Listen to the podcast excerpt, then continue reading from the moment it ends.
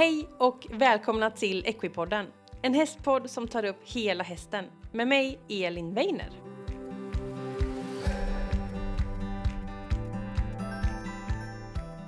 Woho! Då var det dags för ett helt nytt avsnitt av Equipodden och jag vill hälsa dig varmt, varmt välkommen till det här avsnittet. Innan vi drar igång så tänkte jag bara att jag skulle vilja tipsa om att kika in på Equipoddens sociala medier. För där har jag faktiskt en tävling tillsammans med fantastiska företaget Esmergo som pågår just nu.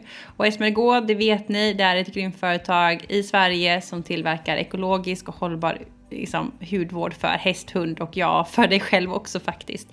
Eh, så kika in där för det är jättefina priser att vinna och du har ju inget att förlora. Så in på Equipodden, Instagram och Facebook för att delta i den här tävlingen. Och såklart att se allt annat spännande som händer i podden som inte är med här, för där händer också lite roliga saker. Så kika in på Equipoddens sociala medier. Och eh, det är ju inte onsdag idag utan det är torsdag och så är det ibland. Ibland hinner man inte riktigt till deadline och då blev det en dag sen. Så jag hoppas att du tycker att det är okej. Okay. Men eh, dagens tema på podden är faktiskt något som ligger mig lite extra varmt om hjärtat och det är nämligen tömkörning. Det är något jag tycker är väldigt intressant, väldigt roligt och något som jag håller på med väldigt mycket. Och ni brukar ju också tycka om mina tömkörningsavsnitt så jag tänker att det är dags att göra ett tömkörningsavsnitt. Eh, det finns många, det finns tidigare avsnitt av Ekopodden om tömkörning. Så vill man lyssna på det så är det bara att eh, göra en liten googling eller sökning där man lyssnar på sina poddar. För det finns faktiskt en hel del. Så kika in där så kör vi igång den här veckans avsnitt för att se vad jag har hittat på.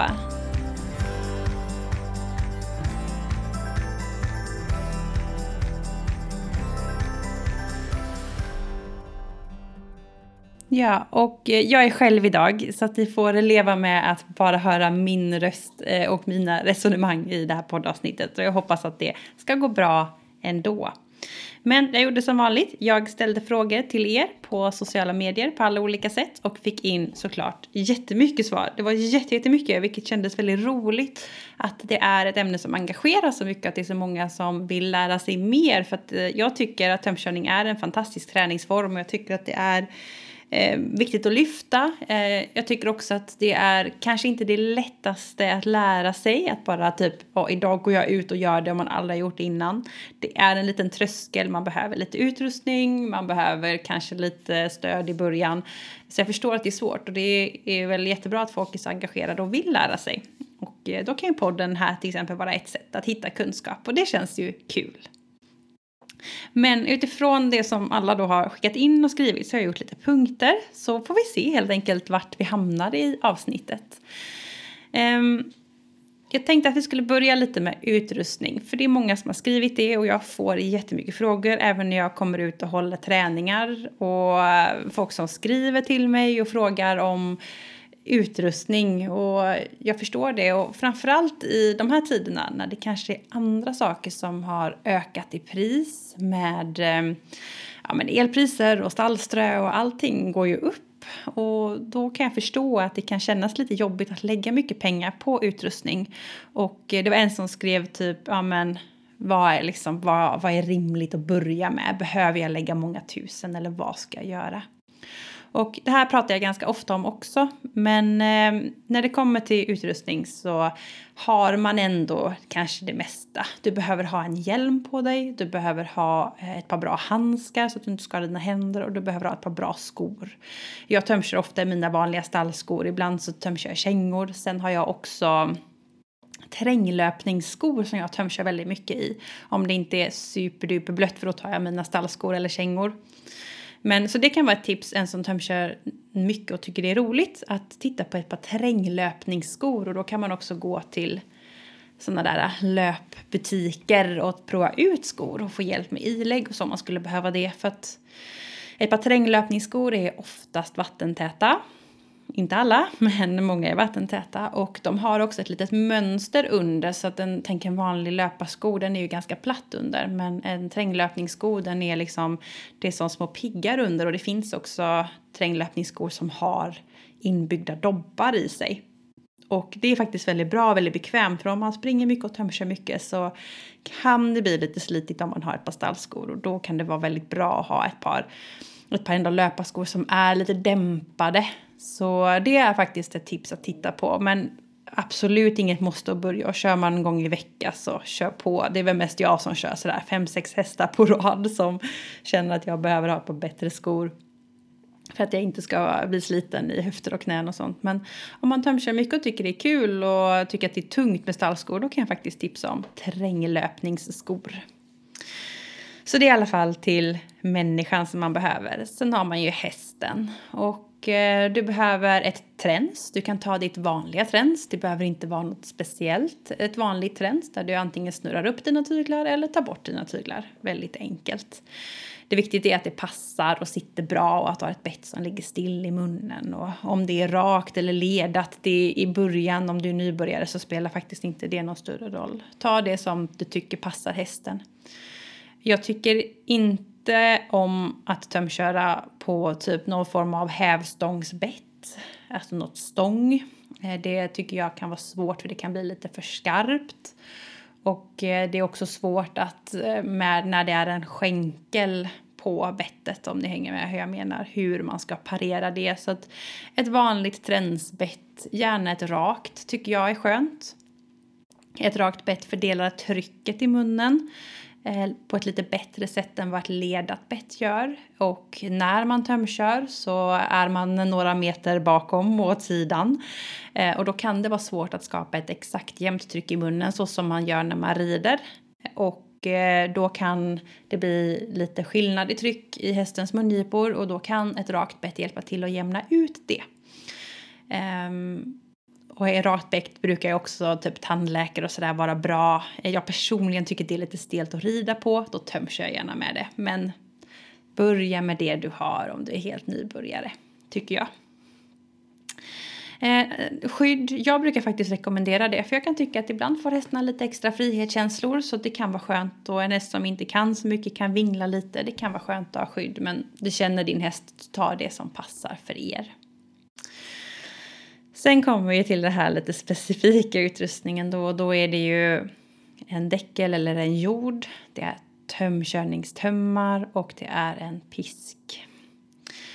Eh, om vi börjar med pisken så är det inte ett måste. Jag har alltid pisk faktiskt när jag tömkör om jag inte möter en häst som har något form av trauma och tycker att det är extremt läskigt med pisk. Det finns ju de som tyvärr har varit med om någonting eller har eh, ja, men bara en väldigt stor respekt för spö och om jag då har med mitt spö eller min pisk så kommer hästen att fokusera för mycket på det och det vill jag inte för jag vill att hästen ska fokusera på mig och på jobbet. Men så länge det inte finns ett trauma så har jag faktiskt alltid med pisken och det är för att jag använder pisken såklart eh, för eh, eh, alltså tempoväxlingar och så.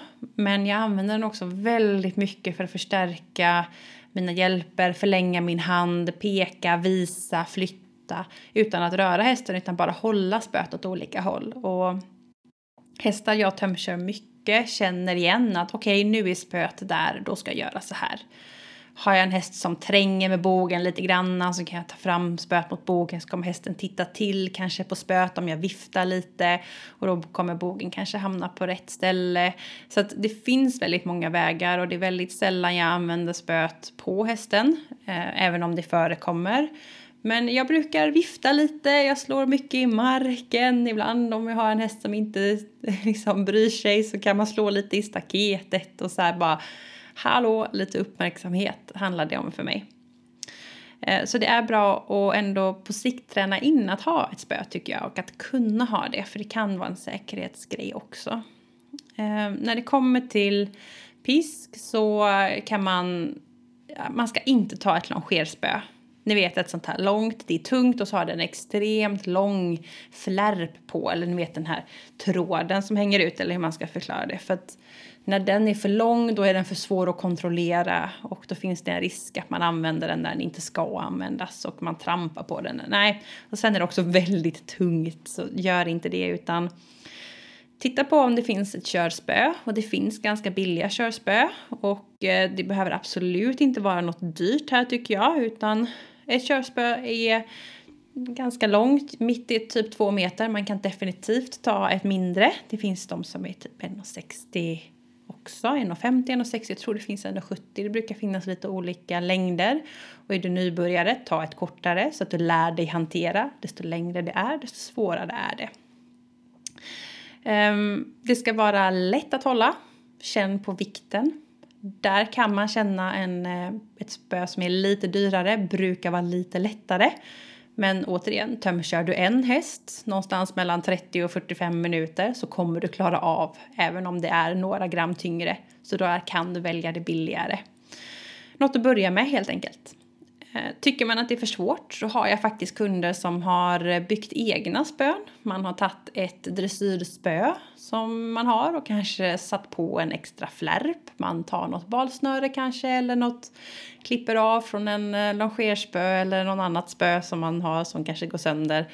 Och så eh, sätter man på med buntband typ eller knyter fast på något sätt så får man en liten flärp. Och som jag sa innan att mycket handlar om att kanske vifta, skapa uppmärksamhet hos hästen, inte att du faktiskt ska nå hästen. Så är det svårt så börja där, vilket också kan vara lite ekonomiskt.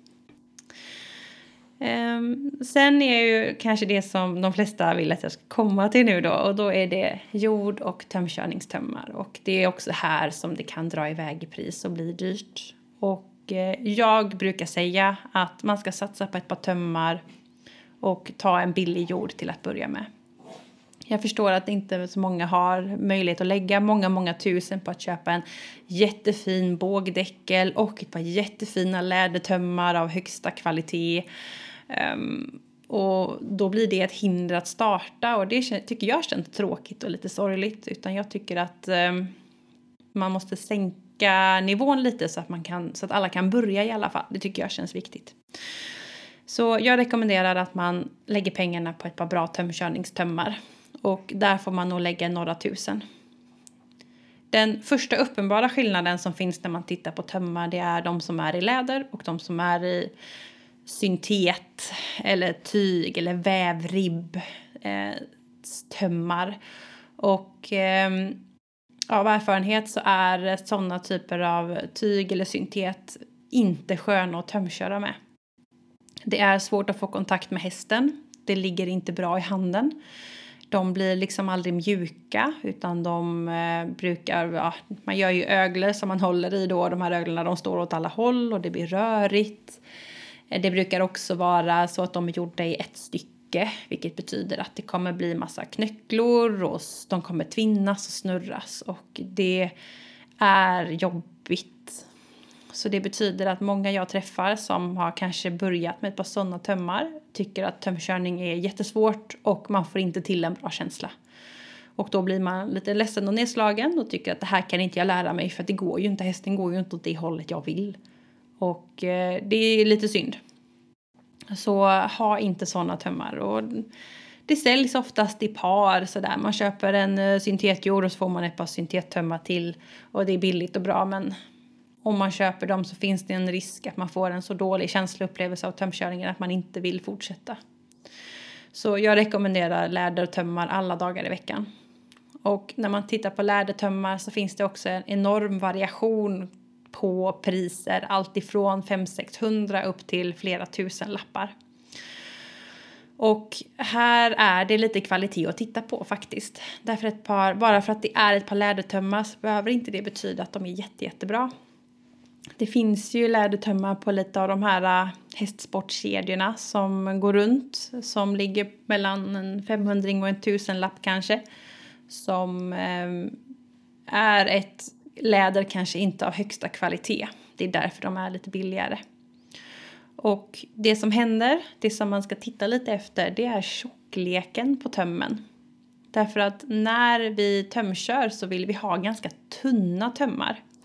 Det är skillnad förstår jag. Jag är inte kusk så jag ska inte uttala mig i det. Men jag förstår att när man kör hästar så vill man ha lite tyngre tömmar för att tömmen, tömmens tömvikt ska ligga bättre i handen och hos hästen. Men när vi tömkör så ska du hålla tömmen. Du ska hålla vikten. Och det finns hästar som är lite känsliga och då kan det bli faktiskt lite för tungt i munnen på dem. Och eh, det har jag sett att det kan eh, göra att hästen går lite för lågt i form och blir lite påverkad faktiskt. Så att eh, på tömkörning vill vi ha lätta tömmar. Och du ska också orka tömköra länge. I alla fall ett pass. Så tjockleken är att titta på. Mina tömmar som jag använder de är 3 mm tjocka och det finns lite olika sådana på marknaden. Det bästa är om man kan få känna på tömmarna först och det är klart att direkt från affär kommer alla tömmar vara lite stela för att de är fraktade och de är paketerade och de är behandlade med något medel så att de ska hålla hela vägen fram till kund. Så, så är det ju. Men man kan ändå känna ifall de har möjlighet att bli mjuka fort eller inte. Så tjockleken är viktig att titta på. Och om man har i affären så kan man också känna desto tjockare tömmar du har desto tyngre kommer de att bli och då kan man känna lite på skillnaden. Orkar jag bära det här? Eller orkar jag inte hålla det här i min hand? Um, så det är ett mått som är viktigt att titta på. Um, och ja, där är det så. Går man upp i pris så får man oftast högre kvalitet på läder och då också tunnare tömmar i många fall. Vilket gör att du får en bättre känsla. Man behöver inte lägga många, många tusen, men att man ändå gör lite research och lite koll. Finns det någon i stallet som har ett par tömmar? Vilket märke är de? Hur känns de? Hur gamla är de? Är det så att, alltså det är klart att 99 procent av alla lädertömmar kommer efter 10-15 år och de är välskötta, blir mjuka. Frågan är hur lång tid man själv orkar vänta. Jag kan också tipsa om för att jag har eh, faktiskt kunder som har haft lite tjocka tömmar och så tycker man att det har funkat bra. Sen har man testat mina som är supermjuka och supersmidiga. Så kände man att nej men jag vill nog ha lite tunnare. Då vet jag faktiskt att man har kunnat lämna in till skomakaren så att han har, eller hon, har eh, tunnat ut dem. Och jag fick faktiskt testa de här ett tömmar hos en kund som gjorde det här och de blev riktigt bra. Så det kan också vara ett tips att om du har ett par tömmar hemma eller köper ett par begagnat och du känner att det här var lite tjockt alltså. Då kan du gå till din skomakare och fråga finns det möjlighet att tunna, tunna ut de här och ta bort lite granna. Eh, det kan också vara ett litet eh, tips. Så det var själva bredden, eller tjockleken på tömmarna. Eh, sen är det bredden också man ska titta på och där vill du inte ha det är en väldig smaksak. De tömmarna jag har de är 1,7 cm breda och det är lite, lite bredare än en tygel. Men för mig ligger det väldigt bra i handen. Jag har definitivt kunder som trivs bäst med smalare och jag vet de som vill ha bredare och det är en liten smaksak. Eh, precis som när man rider såklart hur man vill att tygen ska ligga i handen. Så titta där tycker jag, börja känn. Vad tycker jag om när jag rider? Tycker jag att det här blir för mycket i handen eller känns det bra? Eh, och välj några ut efter det. Min personliga erfarenhet är att om jag har för smala tömmar, för det har jag kört en del med, så tycker jag att det kan skära in lite i handen och bli lite tungt. Därför att stödet du har när du tömkör jämfört när du rider är lite större. Eh, och du har mer i handen i och med att du har några meter extra. och eh, då tycker jag att när det är för tunt så kan det vara lite obekvämt. Men det är min personliga preferens. Så testa dig fram. Men eh, bredden är kanske inte det viktigaste mått att titta på utan jag tycker att det är tjockleken. Och också längden såklart. Och när det kommer till längd så finns det olika standardlängder. Och eh, det finns på marknaden oftast 12 meter, 14 meter och 16 meter. Och eh, 12 meter det är om du har en liten ponny. Typ shetland, A-ponny, kanske en B-ponny. Då är det lagom. Annars så blir det så mycket i handen och då kan det vara lämpligt att titta på ett par tömmar som inte är så långa. Eh, 14 meter är det jag använder och det använder jag från ponny upp till jättestor häst. Och eh, det tycker jag funkar väldigt bra. Eh, när jag tömkör använder jag mycket volten och jag använder också väldigt mycket rakt spår och jag växlar mycket däremellan. Och när jag går på rakt spår så blir det lagom med 14 meter, även på en stor häst. Och när jag går på volten så kan jag gå med så att volten ändå blir stor. Det här är också en smaksak, men personligen tycker jag att 16 meter är ganska långt och jag eh, det är sällan jag rekommenderar 16 meter faktiskt till personer som frågar och berättar om sin häst. 14 meter räcker faktiskt ganska ofta. Och där är också en prisskillnad. Ett par tömmar på 16 meter kostar mer än ett par tömmar på 14 meter. Um, det bästa är såklart om man kan testa. Och har du en väldigt stor häst, kanske en stark häst där du behöver kanske en lite tyngre tömsättning, då behöver du 16 meter. Men annars så 14 tycker jag funkar väldigt bra på väldigt många. Det är det jag brukar rekommendera i alla fall. Ehm, så det var tömmarna. Tjockleken, längden är väl det som är viktigast och titta på ett par lädertömmar. Sen när det kommer till eh, jorden så finns det ju en uppsjö och ska man titta på det bästa så är det såklart en däckel som har en båge i mitten. Det skapar mest utrymme för eh, ryggen och det skapar också bra utrymme för bogarna. Eh, men de är också dyra och de är gjorda i läder. Och eh, superfina, kommer hålla i många, många år. Har du möjlighet, kör på det. Eller om du har en annan, kör på det. Det finns också fasta läderjordar som inte har båge. Jag tycker att de kan funka alldeles utmärkt på många hästar. Men om du ändå ska köpa en med läder så skulle jag nog ändå rekommendera en med båge. För att de kommer ligga lite bättre och de kommer också ge mer frihet. Det finns en risk med de som är fasta att det blir lite tajt över ryggraden och det kan klämma lite. Och det kan vissa hästar tycka är obekvämt. Men om vi går tillbaka då till att man är nybörjare och eh, ska köpa något för första gången så ska man lägga pengarna på tömmar och så köper man en billig syntetjord på typ de här kedjorna som finns runt om i Sverige. Man kan hitta en jord för 5, 6, 7, 800 kronor och det räcker gott och väl. Grejen med tömkörningsjordar det är att det är ingen som ska sitta på. Det ska inte bli ett tryck, vilket gör att det gör ingenting om det ligger lite mot manken. Det är inte heller så att du behöver dra jorden oftast lika hårt som du drar en sadeljord, eh, vilket gör att det inte kommer skapa ett lika högt tryck. Um, du kan lägga en padd under som kommer skapa liksom en tryckfördelning om man tycker att den trycker över manken till exempel. För att en syntetjord kommer vara helt platt över manken. Och där beror det på vad du har för häst. Har du en islandshäst som inte har en manke överhuvudtaget, då kommer det inte trycka någonstans. Har du en häst med hög manke så kan det finnas att det trycker lite grann och då kan du lägga en helt vanlig fårskinnspadd eller dubbelvika ett schabrak för att skapa lite tryckfrihet helt enkelt. Men det du ska titta på det är en jord som har många ringar. Det ska finnas om man tänker uppifrån manken ner till där liksom själva liksom spännet till jorden under magen sitter, där ska det finnas flertalet ringar att välja på. Och det är för att du ska få möjlighet att använda alla verktygslådor som finns när vi kommer till att köra din häst. Det är jättebra om de översta står upp Därför att eh, om de står upp så kommer tömmen löpa lite lättare. Då får du mindre friktion vilket gör att du kan ha en finare kontakt med din häst.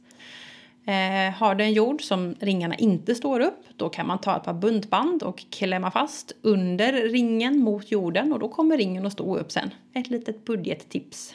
Det brukar finnas buntband någonstans i ett stall eller om man har någon vän i någons eh, snickerboa eller någonting då kan man hitta buntband.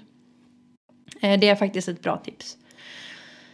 Och även om man känner att tömkörning kanske inte är det jag vill hålla på med så kan man ändå köpa en sån jord för att ibland kanske man vill longera hästen eller man vill att ett täcke ska ligga still i transporten eller vad som helst. Då kan en sån jord faktiskt vara användbar så kika på det.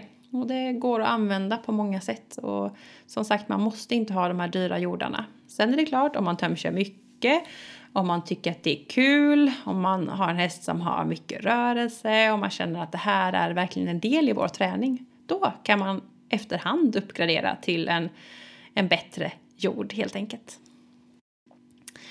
Um, en till sak som man kan säga lite grann när det kommer till jordar det är att eh, lite olika beroende på märken men många märken har ett spänne ner under magen vilket gör att själva jorden som sitter under magen då är väldigt smal. Eh, det finns de som har två spännen och där kan man också titta lite och känna sin häst. Har jag en häst som har problem med typ sadeltvång och tycker att det är lite jobbigt att dra sadel i jorden, ja men då kanske jag kan titta på ett märke som har två stroppar ner så att jag kan ha en typ anatomisk mjuk dressyrjord. Och har jag inte de problemen, nej, då spelar det kanske ingen roll. Så det är bara en liten sån där heads up att man något att tänka på i alla fall. Så där hoppas jag, om jag ska sammanfatta lite grann, Lägg dina pengar på ett par bra tömmar, eh, tunna som möjligt i bra läderkvalitet.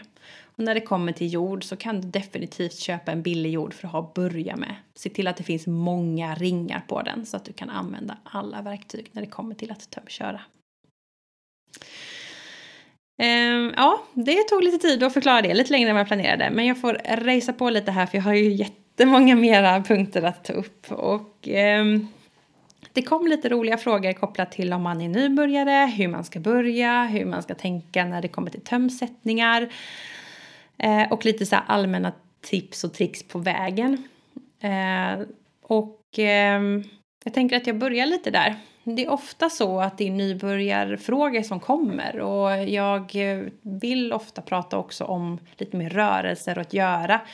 Men för att komma dit så behöver man lite knäcka koden med att vara nybörjare. Och nybörjare handlar mycket om att ja, som sagt hitta ett stöd, hitta sin position, hitta kontakten och börja förstå så här, men vad händer om jag tar i innertömmen? Vad händer om jag tar i yttertömmen? Att liksom knäcka koden lite granna. Och jag brukar säga till helt nybörjare som kommer till mig, det är att man hela tiden ska tänka de här frågorna så här, okej. Okay, hur mycket ska jag ta i vänster töm för att hästen ska svänga till vänster? Hur mycket ska jag ta i vänster töm för att hästen bara ska ställa sig till vänster? Hur mycket ska jag ta i båda tömmarna för att hästen ska göra en halt? När ska jag börja göra en halt för att få till exempel att jorden ska stå precis vid bokstaven A i ridhuset? Hur mycket ska jag ta för att få hästen att rygga? Och så vidare. Det är massa sådana frågor som jag hela tiden ska ställa mig. Och, och liksom analysera. Okej, okay, nu tog jag så här mycket. Hur reagerade hästen? Nu gjorde jag, började jag svänga så många steg innan. Hur blev hästen? Så de sakerna är väldigt mycket och jag kan tycka att man kan definitivt börja lite själv. Men det är faktiskt ganska bra att ta lite hjälp i början. Och det finns ju hjälp att få runt om i Sverige. Um, och då kommer det till det här med tömsättningar då, för det är ju det som alla frågar. Och det är lite svårt att svara på faktiskt. Men eh, det finns väldigt många olika sätt att sätta tömmarna på. Och det är många som frågar så här, ja men jag har en sån här häst, hur ska jag sätta tömmarna? Eller jag brukar ha den här tömsättningen, är den bra? Eller är det här dåligt? Eller förstör jag hästen om jag använder den här tömsättningen? Jag får jättemycket sådana frågor. Och eh, det kan vara lite svårt att svara på. Men jag brukar tänka så här. Det här är min filosofi vill jag säga och mitt sätt att arbeta med häst. Och jag brukar tänka så lite som möjligt. Jag har en standardsätt som jag sätter tömmarna på. På i princip alla hästar. Sen är det klart, det kan vara ett rehabfall, det kan vara en ung häst, det kan vara en häst som har någon slags historik eh, kopplat till eller ett visst övning jag ska göra. Men min standardsättning det är att jag har det så kallat ledad tömsättning. Och då sätter jag eh, eh, på yttertömmen, om jag ska gå i vänstervarv nu tar vi. Då kommer jag sätta yttertömmen, alltså tömmen på hästens högra sida. Kommer jag sätta från min hand till den översta ringen på jorden och sen fram till bettet. På det sättet kan jag då i min ytterhand få direktkontakt med hästens mun och också kontrollera yttersidan på hästen när jag arbetar den. Jag har rak kontakt, vilket betyder att jag egentligen kan ta mig direkt fram till bettet med så lite friktion som möjligt och liksom få en kommunikation med hästen. På innerhanden, det är där jag har mitt ledande tömsättning. Och den sitter från min hand fram till hästens bett, genom bettringen och sen tillbaka till jorden. Så det blir lite som att den går tillbaka och eh, där kan jag ju välja massa ringar då eftersom att jag har en tömkörningsjord med massa ringar på. Och jag brukar i början välja en låg ring. Har jag en häst som gärna går bakom hand, kanske dyker, hamnar på bogarna, då väljer jag en, hög, en ring som är högre upp. Har jag en häst som gärna går upp med huvudet och är lite spänd, då väljer jag en ring längre ner. En liten sak att tänka på det är att om jag har en lite mindre häst så att den sista ringen nästan sitter Ehm, nästan ner liksom där benet börjar kan man säga, frambenet börjar. Då vill jag kanske inte välja den lägsta ringen utan för att då kommer, när benet rör sig, kommer hela tiden innertömmen att påverkas vilket gör att den kommer att påverka hästen i munnen onödigt mycket. Då brukar jag tänka så här, okej okay, om hästen går i en fin form nu, typ var hamnar huvudet? Och så drar jag ett rakt streck till jorden och då kanske det inte är den lägsta ringen utan kanske ett snäpp upp helt enkelt. Och då brukar det ligga lite mer still liksom över själva bogbladet och inte så långt ner på bogen och liksom där benet börjar om man ska försöka förklara. Så det är min standard sätt att köra på. Är man helt, helt, helt nybörjare och hästen är helt nybörjare då brukar jag rekommendera att man sätter rakt på båda, alltså från handen genom översta ringen på, bettet på jorden och sen fram till bettet och så får man bara gå runt. Det här har jag pratat om innan men att man lär sig svänga, att man lär sig stanna, att man lär sig sin position och så vidare och det, det är liksom det är steg ett. Och när man känner att man är trygg i det, då går man över till att göra en ledande tömsättning. För det är det som är målet. För med den ledande tömsättningen, då kan du arbeta med massa fler övningar, massa fler verktyg utan att påverka hästen med att bara ta bak handen. Eh, men det har jag också pratat om innan. Ehm, en till sak jag vill säga lite när det kommer till tömsättningar det är att man kan våga testa lite granna. Att, eh, att man eh, inte ska känna sig så låst vid att jag måste ha tömmarna på det här sättet eller jag måste använda den här ringen utan våga testa dig fram. Om du känner att du inte riktigt får den effekten du vill ha ut av din tömsättning, ja men googla runt lite granna, läs lite granna, fråga mig, lyssna på tidigare avsnitt för då har jag gått igenom mer eh, tömsättningar i mer detalj och vad, vad finns det för fördelar med den här tömsättningen, vad finns det för nackdelar med den här tömsättningen och försök att liksom testa. Och ibland är det många som kommer sådär, nej jag, jag vågar inte testa för jag är så rädd att förstöra hästen.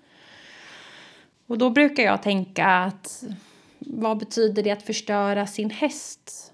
Um, det kan ju dels vara så att man lär den fel. Alltså när jag tömkör till exempel, om jag ska flytta hästen då vill jag alltid flytta hästen till yttertömmen och jag vill inte att hästen ska flytta för att jag lägger på innertömmen eller för att jag tar i innertömmen utan jag vill att hästen ska flytta för att jag tar i yttertömmen. Och det är klart att om man lär hästen om jag tar i yttertömmen så ska den gå åt andra hållet. Då, då kan det bli lite jobbigt men det går också att lära om. Um, så det kan jag förstå att det kan vara lite läskigt att man inte riktigt vet vad som förväntas av olika hjälper.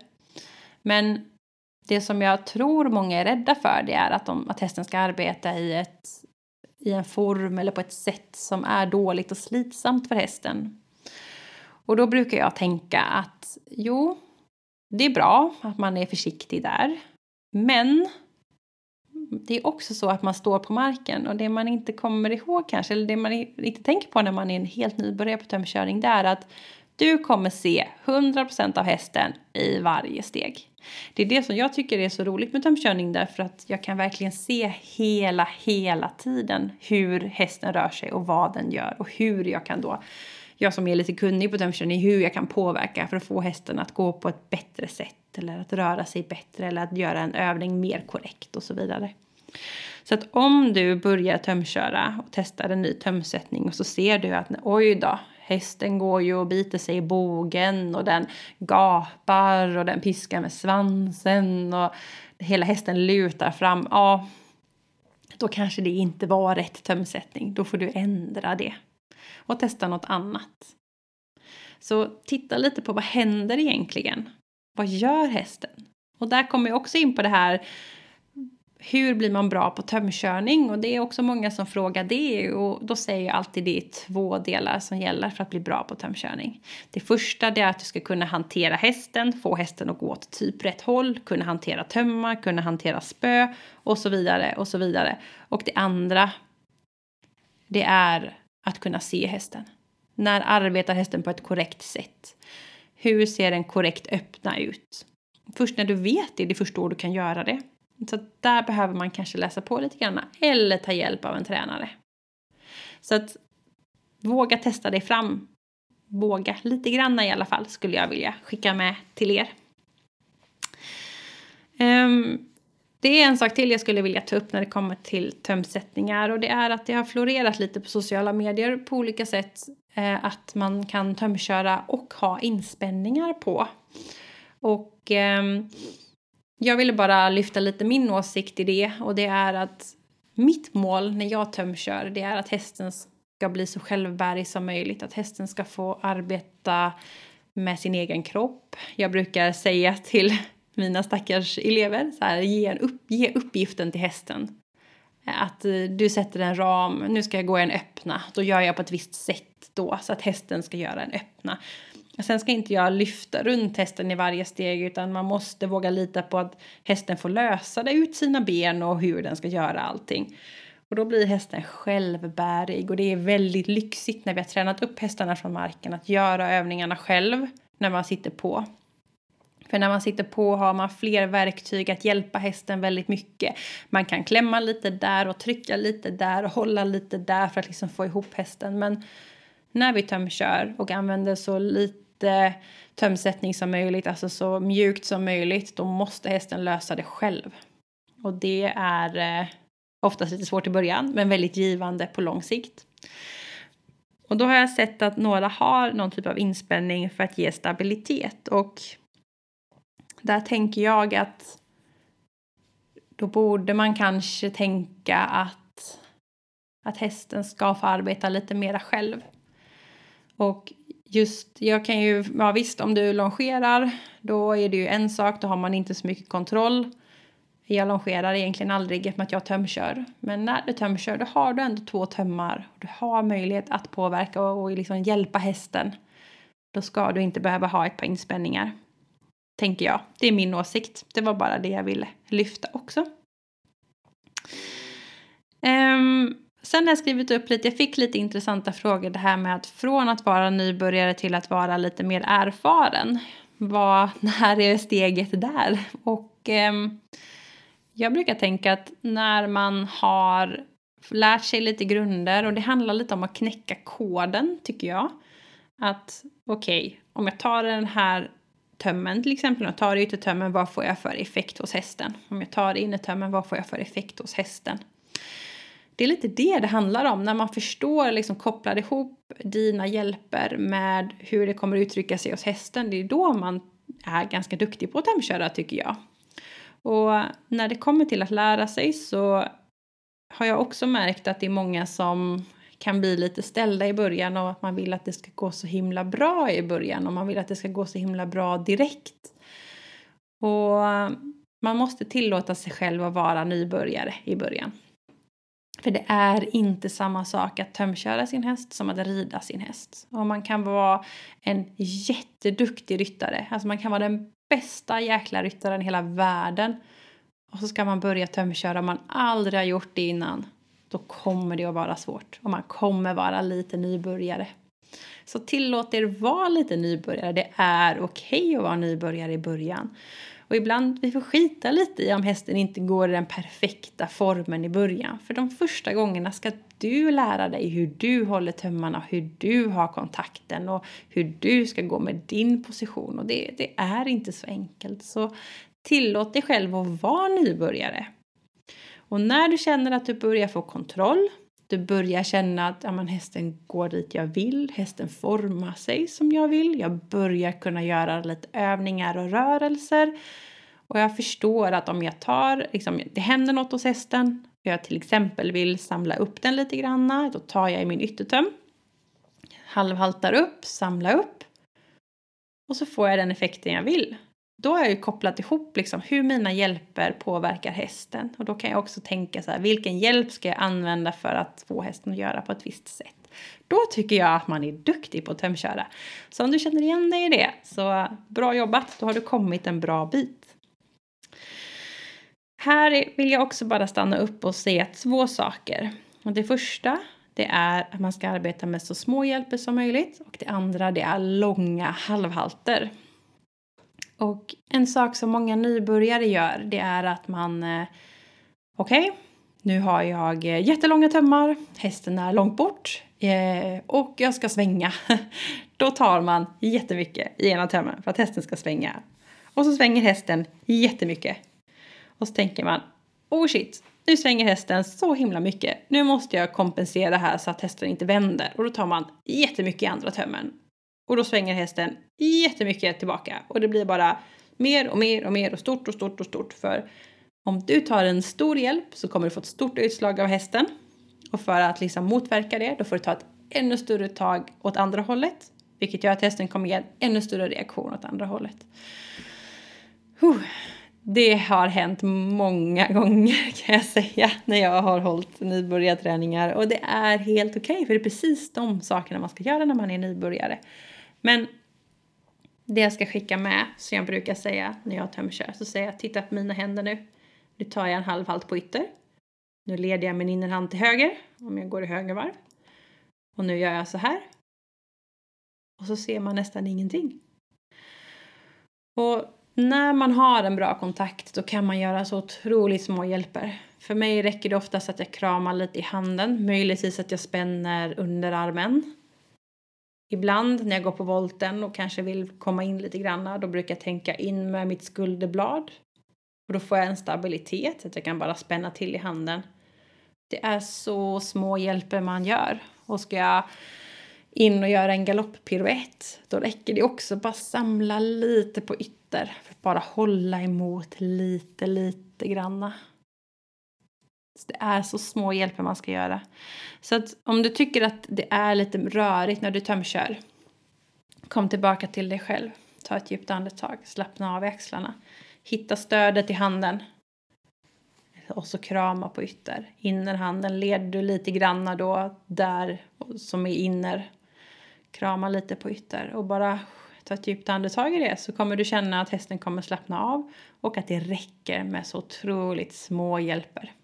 Det tycker jag är väldigt intressant. Det andra som jag också vill skicka med det är att ett vanligt problem eller vanligt fel som många gör det är att man är väldigt snabb för att jag sitter och rider fast jag står och tömkör. Och det är väldigt likt att tömköra och rida. Men jag brukar prata om långa halvhalter. Och långa halvhalter, det handlar om att om jag ska göra någonting och jag vill göra en halvhalt, då ska jag krama och sen hålla två, tre sekunder. Därför att din signal i handen, den ska färdas från din hand hela vägen fram till hästen. Hästen ska hinna tänka, du ska göra någonting och sen anpassa sig, exempelvis byta gångart, sakta av. Eller kanske samla sig, eller svänga, eller vad, vad, vad jag nu vill att hästen ska göra. Men om jag säger att jag vill samla hästen lite granna, då håller jag en liten sekund och jag ser att hästen får en respons, då kan jag mjukna. Så att man får hålla och göra lite längre halvhalter. När vi rider är vi så snabba och vi är så elektriska och vi kramar till och det är så snabbt allting. Men på tömmen så måste man komma ihåg att jag står en bit bort. Det tar ett tag för signalen att komma fram. Det är också en del brussignalen när jag tömkör och med brus det menar jag att när hästen rör sig så kommer tömmen att gunga, när tömmen kommer att röra sig. Det, hästen kommer få signaler som inte är jag, alltså, typ, alltså till munnen då. Alltså att det blir eh, det här att det rör sig, att hästen rör sig, att tömmen rör sig. Sen kommer tömmen också ligga emot hästen. Den kommer ligga mot halsen och kanske emot rumpan i vissa fall. Då, då blir det friktion där som också hästen känner av. Hästen är så extremt känslig i munnen. Så att min signal som jag vill att hästen ska lyssna på, för jag vill ju att hästen ska lyssna på mig och göra det som jag vill att den ska göra. Den ska övervinna bruset och hästen ska få chans att känna den. För om jag gör en sån där supersnabb eh, som när jag sitter på hästen, kramar till bara en sån där mikrosekund. Då blir det så här, what? Vad hände? Då kommer inte hästen att liksom registrera det. Var, så här, var det en signal eller var det brus? Lite otydligt. Men istället då så kan jag hålla min halvhalt några sekunder. Jag brukar tänka halvhalt och sen släpper jag. Och är man nybörjare, titta på hästen. Om jag vill att den ska samla sig lite granna, håll två, tre sekunder. Har jag fått effekten jag ville ha, bra släpp. Har jag inte fått det, behöver jag ta lite mer? Behöver jag hålla lite längre? Återigen, ställ de frågorna till dig själv. Testa dig fram för att få fram vad passar just för mig och min häst. Men långa halvhalter, det är ett tips att skicka med och ut och testa helt enkelt. Ja, oj vad jag har pratat på. Det känns som jag inte har kommit någonstans redan i 45 eh, minuter. Eh, det kom ju massa frågor eh, om nybörjargrejer och utrustning och jag tycker jag har nog försökt få med lite av det och lite tips och tricks och tankar och sådär. Det är ju en del. Sen kom det också jätte jättemycket frågor om övningar när det kommer till öppna, sluta, skänkelvikning och vad man annars kan göra på tömmen och det är ett jättestort kapitel. Men jag tänker att jag kan börja lite granna i alla fall. Och för mig så handlar mycket om att ha kontakt på ytter. Yttertömmen är min livlina och jag har säkert gjort den här liknelsen i podden för jag gör den hela tiden. Och det är att om man har ett barn, säg 3-4 år kanske, och så är man ute och promenerar. Vi ser att vi går på en väldigt spännande skogsväg och så håller du barnet i handen. Då kommer barnet gå bredvid dig, eller hur? Och om du inte håller barnet i handen då kommer barnet vara uppe i ett träd, eh, i ett dike, plocka någon blomma och eh, rulla runt i en vattenpöl typ. Och lite samma är det med hästen. För att då får man tänka att vi kanske inte är ute och går på den här jättetrevliga eh, skogsstigen utan vi går över en parkering där det kan vara ganska farligt för ett barn att springa runt hur som helst. Och då behöver jag hålla barnet i handen. Och du behöver hålla din häst i handen när du tömkör. Och att hålla hästen i handen, då håller man i yttertömmen. Och det är där man behöver ha ett stöd. Och hästen behöver lära sig att när jag tar i min yttertöm, då ska hästen forma sig. Och också om jag då lägger till en ledande innerhand så ska hästen runda sig runt en tänkt innerskänkel. Så att när jag gör en halvhalt på ytter, då ska hästen tänka så. Runda sig runt en tänkt innerskänkel och samla sig lite. Och det är inte så himla enkelt att få till alla gånger. Men eh, det är i alla fall målet. Så när du tömkör, du har ditt ledande tömsättning med ytter yttertömmen går från handen, översta ringen på jorden och sen till bettet. Och innerhanden går från innerhanden till bettet och sen tillbaka till lämplig ring på jorden utifrån din häst. Så ska du, när du samlar, ta på ytter. Och jag tycker öppna är en jättetrevlig övning att börja med så jag tänker att jag tar den som ett exempel här. Att, eh, att jag har kontakt på ytter. Och när jag har den här tömsättningen så har jag inte så mycket kontakt på innerhanden utan den hänger mest lite lös. Och eh, i min tömkörningsposition så har jag händerna framför mig, jag har sänkt mina axlar så att jag inte är spänd, jag har ihop med skulderbladen ut med bröstet, spänner magen lite grann så att jag är stabil och så har jag händerna framför mig. Och yttertömmen då, där har jag kontakt, där känner jag hästen hela tiden. Gör jag en halvhalt där så kan jag få hästen att stanna eller samla upp sig eller vad jag nu vill göra. Och innerhanden är lite lös. En sak som många gör det är att eh, istället för att ha liksom, armbågen in till sidan så håller man eh, ytterhanden eh, långt ut. Säg att jag går i vänstervarv nu så har jag ju ytterhanden är min ytter. Liksom. Då vill jag ha min ytterarm emot min kropp och det är väldigt många som drar ut den eh, och då blir det väldigt snett när man tömkör. Så där blir man inte heller så stark och stadig heller, kan svaja en hel del om man tänker sig att man har handen rakt ut i sidan. Så att nästa gång du tömkör, känn att du får in din höger skuldra, du sänker axeln, så har du in liksom ytterhanden, alltså din högerhand i det här fallet, liksom framför dig. Så ta kontakt med hästen där. Sen ska din position vara så att du inte ska smita bakom hästen. För om hästen går helt rakt fram på spåret så vill jag att du går ett steg innanför. Det betyder att du går då snett till vänster i det här fallet eftersom att jag går i vänstervarv. Det betyder att jag ska kunna se huvudet, jag ska kunna se om hästen är rakställd, utåtställd eller inåtställd. Jag ska kunna se hur liksom bålen är, om hästen lutar åt något håll. Jag ska kunna se maglinjen, om hästen arbetar med bukmuskulaturen. Och jag ska kunna se hur den sätter alla sina hovar för att säkerställa att hästen fortfarande spårar. Och sen när jag går in i exempelvis en öppna så ska jag kunna se att hästen går på tre tydliga spår och att rätt ben följer rätt spår helt enkelt. Så stöd på ytter.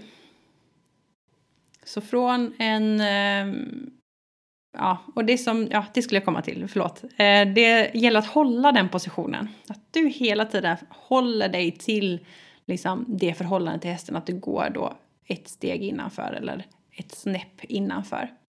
För en sak som många gör det är att det kanske blir lite tungt i ytterhanden för att man håller handen rakt ut.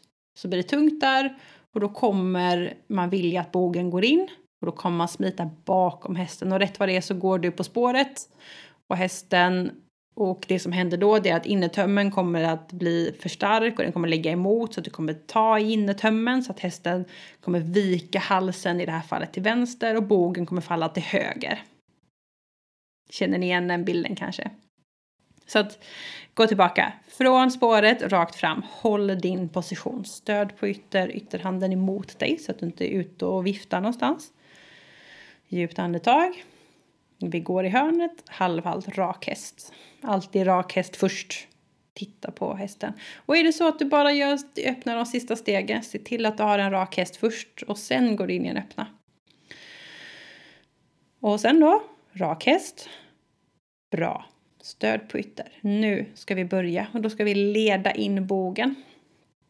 Och eh, då tar vi då i det här fallet innerhanden som är vänster hand ut till vänster.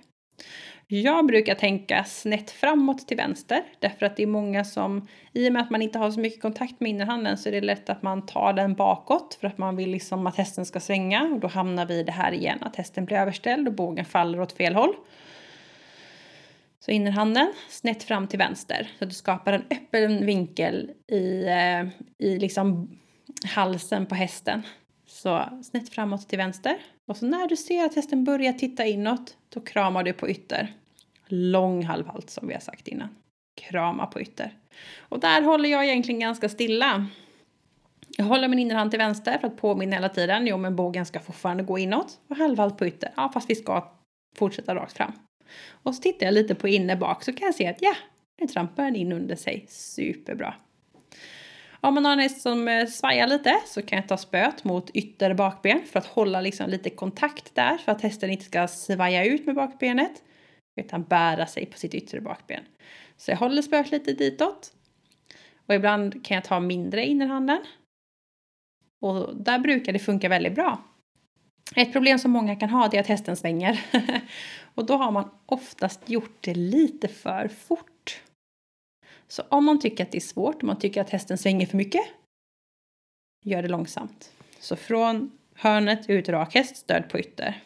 Så långsamt innerhanden till vänster. Och så ser man när hästen börjar komma in så halvhalt på ytter. Och det kan räcka med att tänka ställ hästen först, gör det några gånger och sen så kanske lite till. Och sen lite till och sen så rätt vad det är så kommer du ha din öppna.